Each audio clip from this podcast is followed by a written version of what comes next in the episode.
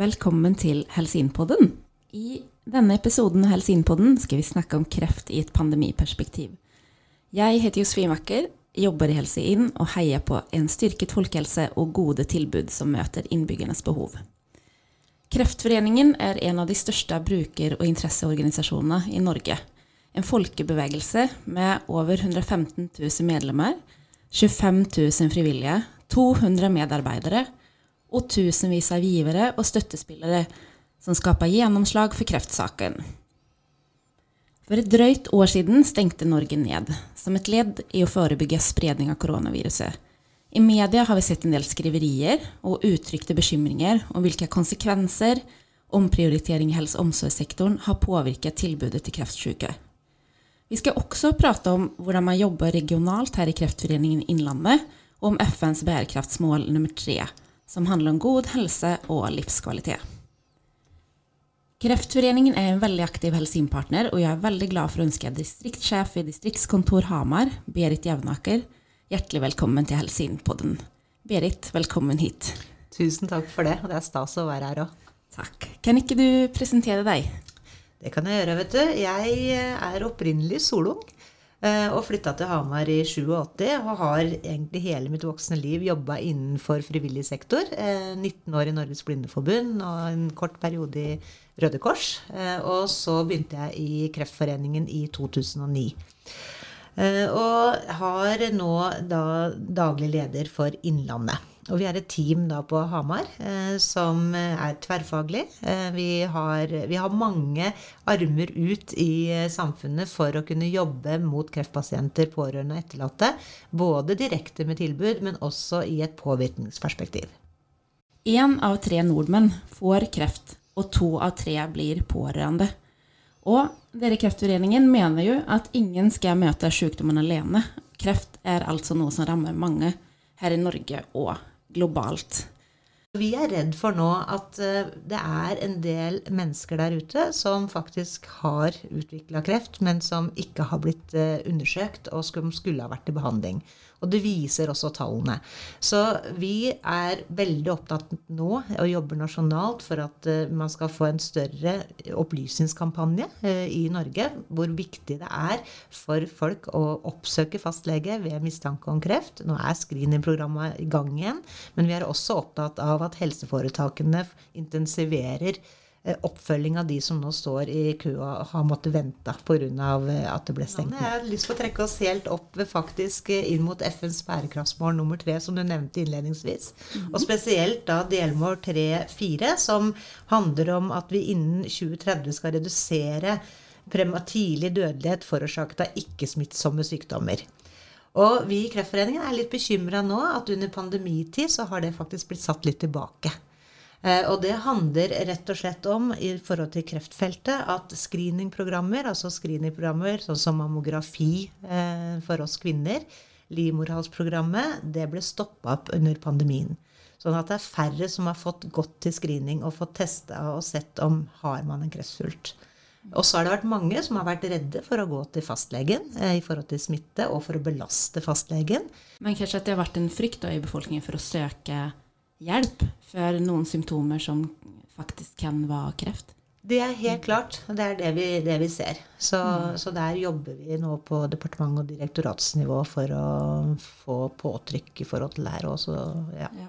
Mm. For det man frykter da, er egentlig en økt dødelighet i kreftsykdommer i de årene som kommer. Ja. Mm.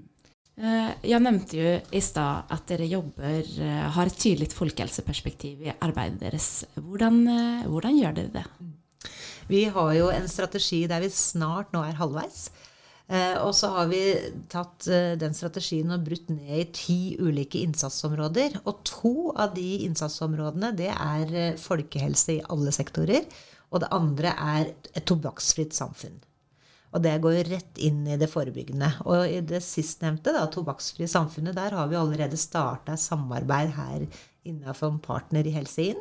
Vi hadde en kjempefin eh, workshop som eh, du bl.a. var med å lede, Josefin. Der vi jobba med hvordan, hvilke kommuner er det vi skal kanskje rette oss mot, og prøve å få med to kommuner som kan tenke seg å jobbe mot røykfrie uteområder. Det er det vi liksom satser på da. Vi er inspirert av Stavanger, som har kommet veldig langt. Der det er nå politisk eh, vilje til å lage Stavanger til en røykfri kommune.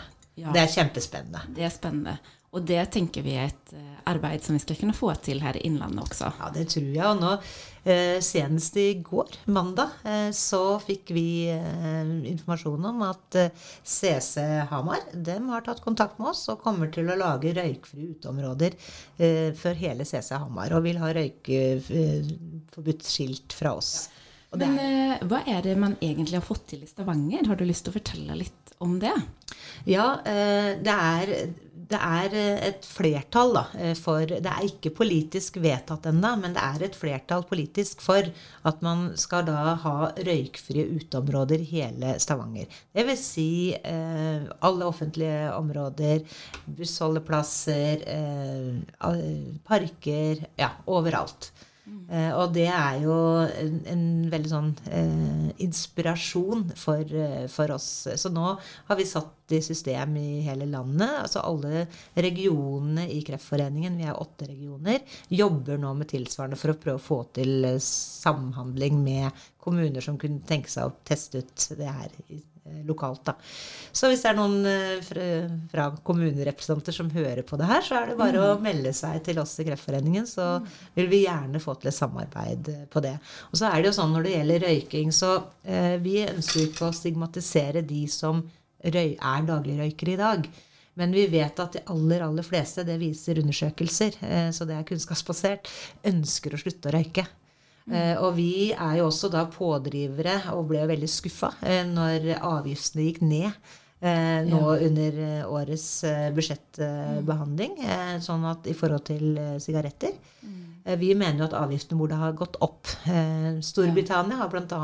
utnytta nå pandemien til å ha gitt hjelp da, til de som er røykere med røykesluttprodukter. Så over en million eh, briter har nå slutta å røyke under pandemien. Oi, det er jo fantastisk. Det er fantastisk. Så med riktige virkemiddel så er det mulig å Ja. Kombinasjonen av eh, gratis røykesluttprodukter og veiledning vet vi er suksess. Ja. ja. Og så handler vel også røykefrie uteområder i, også i stor grad om de som ikke røyker. Det gjør det. Og det er jo, jeg syns også det var interessant med Stavanger. Der har de løfta inn det her med universell utforming inn i det å ha røykfrie uteområder. Og det handler akkurat som du, du sier nå om nå, Josefin, at det handler Et område skal være for alle. Ja. Ja. Så, så det syns jeg var et interessant perspektiv eh, man har løfta inn. Universell utforming, uteområdet skal være for alle. Da kan vi ikke ha sigarettrøyk der. Nei. Men Berit, jeg er veldig nysgjerrig på å høre litt mer om hvordan dere samarbeider med Innlandets kommuner og spesialisthelsetjenesten. Eh, Hvordan når dere ut i kommunene, og hvordan foregår det samarbeidet? Jeg har lyst på å starte litt eh, med antall eh, av de som er berørt av kreft i Innlandet. Bare så vi får litt sånn Litt mengden på det, på det. ja. Litt tall på det. For at, eh, eh, de siste tallene fra Kreftregisteret, da, som er det nasjonale registeret, eh, det er jo fra 2019. Og da er det sånn at det er 23 379 mennesker i Innlandet som har eller har hatt kreft de siste ti åra. Ja. Eh, og da er det et overkant eh, noe flere kvinner enn menn. Ca. 1000 flere kvinner enn menn. Mm. og så er det ca. nye tilfeller i 2019 var på 2826. Og så hvis du tenker da eh, nærmere 24 000 mennesker, og så har de da pårørende eh, rundt seg. Så da er det ganske mange eh, i Innlandet. Det er rundt 390 000 innbyggere i Innlandet totalt. Eh, og så regner vi da, kan gange det med fire med pårørende. Så er det ca. 100 000 mennesker bare i Innlandet som er berørt av kreft. ja. Og det gir et perspektiv som er viktig, og som gjør at det er utrolig for oss, eh, det å ha god samhandling da med kommunene, de 46 kommunene, og også Sykehuset Innlandet, er kjempeviktig. Og det har vi jo jobba med over lang, lang tid. Og så kom jo trekker det litt tilbake til Samhandlingsreformen. For vi så eh, etter hvert som Samhandlingsreformen skred fram, at ikke, den, den, ivaretok ikke kreftpasienten når man kom ut fra sykehuset. Eh, på en god nok måte. Sånn at eh, Kreftforeningen investerte mange millioner for å etablere kreftkoordinatorer i landets kommuner. Der kommune, hver enkelt kommune kunne søke om prosjektmidler og en støtte over seks år. Eh, nå er vi inne i det siste året med prosjektstøtte sånn, uh, i et nasjonalt perspektiv. Ja. Uh, og vi har jo vært litt spent når vi trekker oss ut med prosjektmidler. Vil kommunene fortsette å prioritere kreftkoordinator? og noen variasjon er det, men for Innlandet sin del så i stor grad har det blitt prioritert. Vi har hatt noen kamper politisk. Jeg hadde senest nå i høst der vi fikk nyss om at Trysil kommune skulle redusere sin kreftkoordinator fra 100 til 30% Katastrofe. Eh, en kjempevelfungerende eh, kreftomsorgstilbud i Trysil kommune, men med politisk eh, påvirkning og kamp og økt kunnskapsforståelse for de som skulle vedta i Trysil kommune, så ble det gjennomslag for å fortsette den. Og fikk høre også i går mandag at det er fører det til en bedre kreftomsorg i Trysil kommune. For nå er det løfta opp på agendaen. Man ser på andre og tilfører faktisk flere ressurser for at det skal bli enda bedre tilbud. Og det er spennende. Så i dag da, så er det 33 kommuner i Innlandet som har kreftkoordinatorfunksjon. Enten fra 100% og helt ned til 30 ja. Det er litt liten eh, andel, så vi jobber jo hele tida politisk eh, med påvirkning for å øke den andelen. Men i mindre kommuner så er det også flere som har interkommunale kreftkoordinatorer. Sånn ja. som Valdres, f.eks. Seks uh, små kommuner, men et stort område. Uh, der har de en kreftkoordinator i 60 uh, som dekker alle de seks. da. Ja. ja. Hva er kreftkoordinatorens viktigste funksjon, skulle du ville si? Det kan du si. Eh, det er å være en blekksprut. Ja. og i det så legger jeg at eh, kreftkoordinatoren skal ha overblikket eh, og skal være en avlastning for kreftpasienten og den pårørende i forhold til å finne fram i hva slags tjenester som er relevant for den pasienten når man kommer hjem fra, fra kreftbehandling og er ferdig behandla eller er under behandling. Mm. Og også ha familieperspektivet. Ofte så er det jo barn og unge som pårørende i en familie. Og da er det også å knytte kontakt med helsesykepleier, sørge for at den informerer på skolen til medelever. Kan godt hende dattera eller sønnen er mer ukonsentrert. Eh, blir mer, isolerer seg litt fra venner og sånn. Så da er det noe med å ha en åpenhet i å kunne forstå hvorfor man opptrer litt annerledes. Eh, og Derfor så er det også viktig for oss, for den yngre generasjonen, å ha et godt tilbud. Så vi driver jo også Treffpunkt. Et eget tilbud for barn og unge som pårørende og etterlatte. Og det har vi også åpent for eh, de med generell, ikke bare kreft, men også alvorlig sykdom. Så vi har eh, fem ulike treffpunkt rundt omkring i Innlandet. Fra 6 til 16 år. Og så er jeg litt sånn stolt og ydmyk og glad. Eh, det litt sånn hjertebarnet mitt. Eh, for at vi har klart faktisk ganske store deler av pandemien å holde tre av dem oppe. Ja. ja ikke to, to har måttet stengt ned, men tre av dem har i mer eller mindre grad, avhengig av smittesituasjonen selvfølgelig Vi følger jo den 100% men eh, vi har og, og det er, å ha de møteplassene er utrolig viktig, og enda viktigere nå under pandemien. Det har vi jo lest om. Ja, ja. For jeg innbiller meg også, eller jeg tenker at, at uh, i denne pandemitiden så, uh, så er jo kanskje de som er ramma av kreft, som også går under behandling, er kanskje ekstra uh, redde for å få infeksjon, og kanskje også vil få et alvorlig forløp mm. hvis de blir smitta. Mm. Og det tenker jeg også vil kanskje eh, innebære at man blir enda mer isolert, både som kreftrammet, men også familien, for man er redd for å måtte påføre sin eh, kanskje mor eller far smitte under denne tiden. Det har du veldig veldig rett i. Og vi har jo en egen rådgivningstjeneste i Kreftforeningen. Og vi eskalerte opp den nettopp for å ivareta telefoner og henvendelser om folk som var redde i mars og mot ja, april i påsken i fjor osv. Og, så og det er mange eh, som har en, eh, levd med en kreftdiagnose som nærmest bare har vært innafor husets fire vegger i over et år, altså. Ja. Og da, eh, så vi jobba Vi syns jo også at kreftpasienter sto for langt ned på lista i forhold til det å, å få vaksine. Så vi fikk hør eh, nå på nyåret fra FHI om at kreftpasienter som var under behandling, eller som akkurat hadde vært ferdig behandla, skulle bli prioritert opp eh, i gruppene. Så nå begynner det å eh, komme i bli ja, De fleste har nok blitt vaksinert nå, da. Rett og slett. Og, og det ser jeg jo Vi har jo kontakt med flere og ser hva det gjør med livskvaliteten å kunne igjen være med ute i samfunnet eh, Ja. etter de forholdene man har, da, selvfølgelig.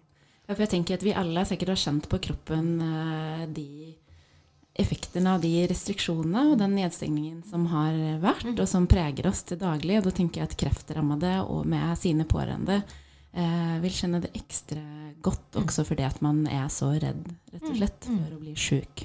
Absolutt. Eh, og, og vi, så vi har jo også snudd oss rundt i Kreftforeningen for å kunne prøve å møte det individuelle behovet for oppfølging. Da. Så I et sånn nasjonalt perspektiv så har vi fått opp eh, noe som heter Følgetjenesten, som er rett og slett frivillige som eh, har tatt på seg å være sjåfører. Eh, og da kan kreftpasienten sitte bak eh, til og fra lege og fysioterapeut og, og sykehus. Og den ordningen vi, fikk vi opp å gå i Valdres fra januar. Spennende. Ja, nei, det er, dere gjør masse Får jeg lov å si kult? Og det er ikke tvil om at eh, du har en god gjeng med deg der dere jobber beinhardt for å få til gode tilbud for innbyggere som er rammet av kreft av, på en eller annen måte. Men vi gjør det ikke Vi, vi er, jeg syns teamet mitt, da, som jeg er veldig stolt av, eh, dem, eh, vi legger til rette for at våre frivillige skal kunne gjøre en god jobb i møte med kreftpasienter, pårørende, etterlatte gjennom våre tilbud. Og det har jeg lyst på å gi en sånn honnør Altså frivilligheten er utrolig viktig, og den kommer til å bli viktigere enn noensinne i et sånn folkehelseperspektiv framover. Altså jeg ser I perspektivmeldinga som, eh, som ble lagt fram nå på, for ikke så veldig lenge siden, så antydes jo innenfor helse- og omsorgssektor at vi mangler 260 000 årsverk i to, mot 2060. Ja. Og da eh, tenker vi eh, at som flere andre innenfor frivillig sektor at eh, vi blir kjempeviktige eh, bidragsytere eh, for å kunne møte den utfordringa. Med et samfunn der vi blir flere og flere eldre eh, og færre og færre hender da, innenfor helse og omsorg. Så jeg tenker vi kommer til å ha masse å gjøre framover. ja. Og, og, trenger alt det folkeengasjementet da, som eh, ja, Og kanskje også vikten av å da tenke på tvers. Eh, tenke på hva er behovet, eh, hva trenger eh, våre innbyggere for å kunne leve gode liv i eget hjem med gode tjenester. Og eh, der heier jo vi i Helsing på just den eh, tverrsektorielle tilnærmingen. Um, Og det er jo noe av derfor vi har blitt partnere i Helse nå. For eh, vi ser akkurat det samme. Eh, Vi ser at uh, vi får til så mye mer i det tverrfagsektorielle samarbeidet. Og der er jo Helse syns jeg, et fantastisk eh, partnerskapssamarbeid som virkelig setter fart. Det inspirerer og setter fart på vårt arbeid òg. Så bare Vi har nevnt det om røykfrie kommuner, men vi jobber jo også sammen i forhold til frivilligheten og frivillighetens år i 2022. For at frivilligheten er så mye mer enn å bruke eh, frivillig arbeidskraft i møte med pasientgrupper, pårørende, etterlatt. Men det i seg sjøl å være frivillig er jo en stor verdi. Det er en stor samfunnsverdi. Som også går rett inn i FNs bærekraftmål eh, om økt livskvalitet. Så, så det, er, det er så viktig å ha med seg det. Eh, og bare folk som flytter inn til Kommer som nye kommuner, det å kunne bli med i et frivillig drevent organisert arbeid betyr masse for sosialisering. Så det er så veldig mye, mange perspektiver inn i det med frivilligheten. Når det handler om å utvikle gode tilbud til innbyggerne, så er jo det med innbyggerstemmen, eller brukermedvirkning, eh, veldig viktig. Og det vet jeg at dere også syns er veldig viktig. Fortell Berit, hvordan jobber dere med det for å få en reell eh, innbyggerstemme inn i arbeidet deres? Ja, der eh, har vi satt i system Vi, vi har jo hatt et mål at vi innenfor helse, alle helseregioner, alle helseforetak i Norge, så skal Kreftforeningen ha en eh, brukerrepresentant inn i de brukerutvalgene. Og det har vi i dag. Og vi har en eh, ganske nyvalgt brukerrepresentant inn i Sykehuset Innlandets brukerutvalg. Ida Målfrid Skrinsrud fra Valdres som eh, har fått en kjempekrevende og inspirerende jobb midt i eh, hovedsykehusstrukturdebatten i Innlandet. Men Ida gjør en kjempe, kjempegod jobb. Eh, og det er så viktig med den brukerstemma. Ingen tjenester om meg uten meg. Det er viktig. Uh, og, og, det er klart at gjennom uh, brukerstemma så får du litt sånn banalt Den som har skoen uh, på, vet best hvor den trykker. så har vi også jobba strukturelt i forhold til å få brukerrepresentasjon opp mot Nav. Så der sitter vi nå med, for Innlandet sin del med Håkon Wiik, som leder da brukerutvalget i Nav Innlandet. Og så er det flere og flere Eh, kommunale, interkommunale brukerutvalg for, eh, som vi har representasjon i Innlandet. Eh, og så har vi i Hamar kommune så er det et eget brukerutvalg for helse- og omsorgstjenester. Det er faktisk det eneste i Innlandet. Det skulle ønske flere kommuner faktisk oppretta. Mm. Så der har vi Reidar Nordby, tidligere tippedirektør, som sitter som brukerrepresentant. Vi har brukerrepresentasjon også i alle brukerutvalgene i eh, de ulike rehabiliteringsinstitusjonene i Innlandet. Det er Norlandia-ringen og Uniker Steffensrud og Uniker Landåsen. Eh, så hvis det er noen som lytter og har et engasjement og, eh, og kanskje har noe liksom politisk erfaring og syns det har vært spennende å jobbe som brukerrepresentant Det er også frivillig arbeid. Du får dekning i forhold til møtegodtgjørelse, så ta kontakt med oss. Vi trenger flere brukerstemmer eh, i vårt arbeid.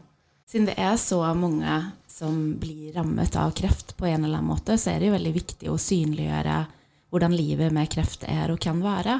For det er vel også sånn at 75 eh, av de som får kreft, overlever sin kreftsykdom.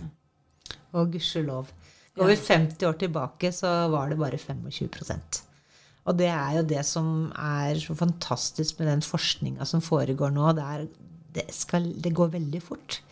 Eh, og sånn at eh, flere og flere eh, vil leve med kreften eller bli kreftfrie. Men så har vi også eh, en slagside, og det er at eh, en tredjedel av de som vil overleve, vil slite med senskader. Og, og det er eller seneffekt er også en betegnelse som benyttes. Og det handler om at uh, en del kreftbehandling fortsatt er ganske tøff. Uh, så det er også noe vi bevilger penger til i Kreftforeningen. I fjor bevilga vi nærmere 230 millioner kroner. Også inn for å forbedre kreftbehandling, sånn at det blir mindre senskader for de som skal leve videre. Så skjer det masse nå eh, i forhold til eh, gentesting. Og driver man og forsker nå hvordan man kan teste om eh, ulik kreftbehandling kan eh, At du har samme type eh, svulst, men ikke om det sitter gen, altså sammensetning av gener i svulsten, uavhengig om man sitter i brystet eller i lymfe eller Ja, så at du kan bruke en samme type behandling, da. Så er, vi, vi, lever i en tid der det forskningen og gjennombruddene er litt sånn slag i slag. Men så har vi i Norge noe som heter Beslutningsforum, som skal godkjenne eller ikke godkjenne ny kreftbehandling i Norge. Og der mener vi at uh, myndighetene må bevilge enda mer penger, sånn at det blir flere godkjente eh, behandlinger av den nye typen. Og at vi får mer klinisk forskning. altså Dvs. Si at pasienter som er under behandling, kommer med i forskningsstudier. Sånn at vi får mer eh, kunnskapsbasert til å se hvordan den enkelte behandling virker. Også både i forhold til at kreften skal forsvinne, men også i forhold til det som jeg snakker om i forhold til senskader. Ja. Et viktig, veldig viktig jobb. Og så vet vi jo også at eh, omtrent 30 av eh, alle krefttilfeller også kan forebygges. Um, det vet vi. Og den kunnskapen, er jo nettopp derfor vi er opptatt av forebygging. Eh, ikke bare i forhold til jeg har nevnt røyk, men altså her med solbeskyttelse har jeg ikke snakka noe om. Men det er jo, vi er ganske sånn uh, unike på å fremme det, selvfølgelig. fordi at uh, dessverre så har vi ligget liksom blant topp tre i verden, Norge, i forhold til antall føflekkrefttilfeller. Nå vi, har vi døttet litt ned, så det nytter. Eh, men vi er fortsatt liksom eh, oppe blant eh, de topp top fem. Men har, vi aner en tendens at yngre generasjon er flinkere til å beskytte seg i sola vi, og tar mindre solarium. Sånn at det nytter, da, det arbeidet vi gjør. Og det er jo liksom helt ned til at vi, vi, løfter det i et sånt nasjonalt og internasjonalt perspektiv, men til at vi samarbeider med Ottestad idrettslag om at eh, på dems eh, fotballskole i august så skal vi være til stede med solkrem og solbeskyttelsebudskap og fortelle de unga hvorfor det er så viktig. Nydelig. Det er eh, altså mer solbeskyttelse og litt mindre sånn jordnøttsolje. Nå ligger du og griller. Det er jo helt katastrofe. Jeg ble smurt inn med Spenol når jeg var lita og gikk på påske, påskefjellet. Så det, det, er helt utrolig. Ja. Det er noen ting som blir bedre med åra, rett og slett. Ja, det er ikke tvil om det. Og det er jo kunnskapsbasert alt, ikke sant. Så det er jo det, er det det handler om. Men så er vi også opptatt eh, av det psykososiale eh, innenfor det folkehelseperspektivet, da. Eh, som, som også er viktig, det her med økt livskvalitet og kunne tenke Så vi jobber jo Jeg nevnte Nav og brukerrepresentasjon. Vi er jo opptatt av inkludering i samfunn og arbeidsliv. Eh, sånn at eh, et, innenfor den strategiperioden vi er inne i nå, så retter vi fokus mye mot arbeidsgivere. Eh, og samarbeide med næringsliv i forhold til dette her med å tilrettelegge godt når man, en kollega får kreft, eller når en kollega opplever at uh, sin nærmeste pårørende får en kreftdiagnose, så påvirker det deg. Og at arbeidsbedriftsledere har kunnskap om det, er utrolig viktig. For det finnes mye god tilrettelegging. og det uh, men det, og enkle er ofte det beste her også, og det er å være til stede og vise uh, omsorg og empati og legge til rette for åpenhet på arbeidsplassen. Eh, Berit, du nevnte det så vidt i stad, men i det politiske rom har det også skjedd en del som vil kunne påvirke folkehelsen negativt, samt øke risikoen for at flere får kreft. Og det er jo det at avgiftene på snus, sukker og alkohol har blitt lavere. Har du lyst til å si litt om hvordan dere i Kreftforeningen ser på det? Mm. Vi, vi, jo, vi, ønsker jo egentlig at alle departement eh, skal eh, rapportere på folkehelseloven. Eh, og få en økt bevissthet eh, rundt det. Både i forhold til byråkratiet, men også da ikke minst eh, politikerne.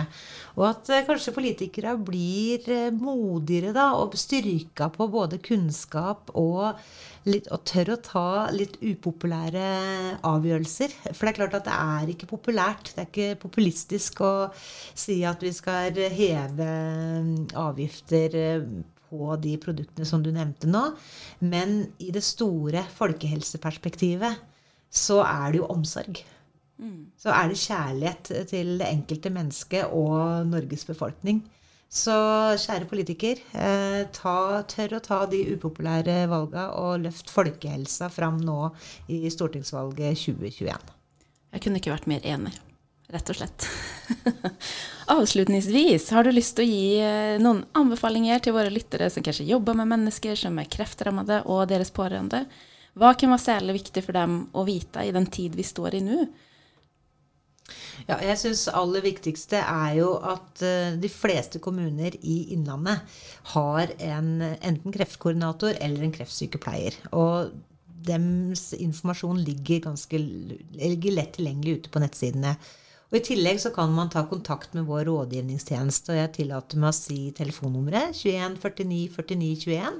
Og de kan også formidle kontakt inn til oss eh, her, lokalt da, for, eh, for, Innlandet. Og vi er til stede for eh, alle som er berørt av kreft, eller som har et engasjement, frivillig engasjement man vil ta ut. Så ta kontakt med oss.